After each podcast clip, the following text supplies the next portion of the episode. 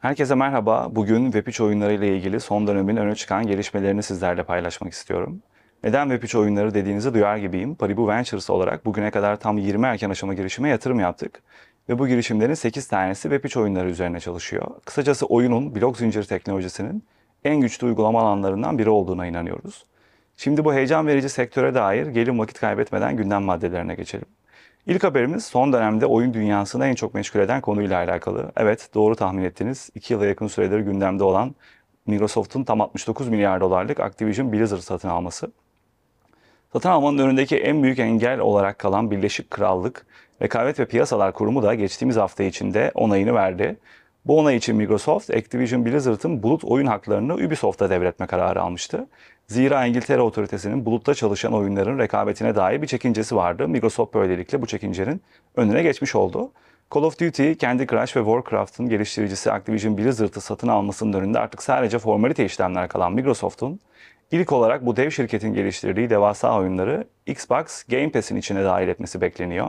Yani Microsoft'un abonelik modeliyle bir oyun havuzuna erişim sunan platformu Game Pass ilerleyen dönemde çok daha büyük bir hal alacak. Oyuncular için çok daha ilgi çekici bir noktaya gelecek.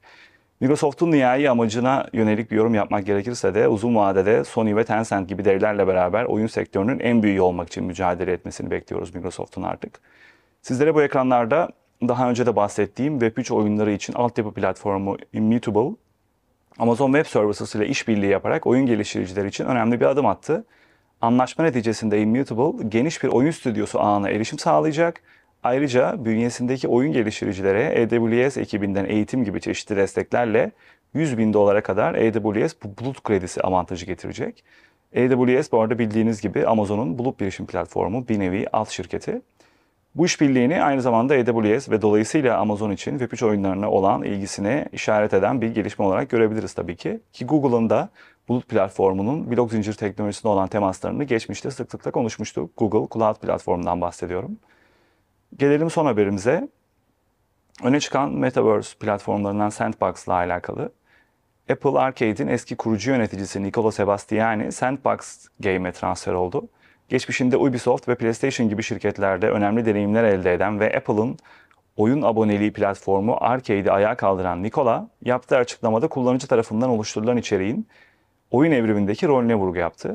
Sandbox'ın oyun platformunu daha da kapsayıcı bir sosyal platform haline getirmek için vizyonunu paylaşan Nicola, öncelikle mini oyunlar ve çeşitli oyun deneyimlerine odaklanmanın yanı sıra kullanıcılarının sosyalleşmesine olanak tanımak istiyor. Tabi bu noktada Sandbox'ın markalarla çalışma becerisi ve satış gücü de öyle inanıyorum ki kullanıcı tarafından oluşturulan içerikler için önemli bir eşik olacak.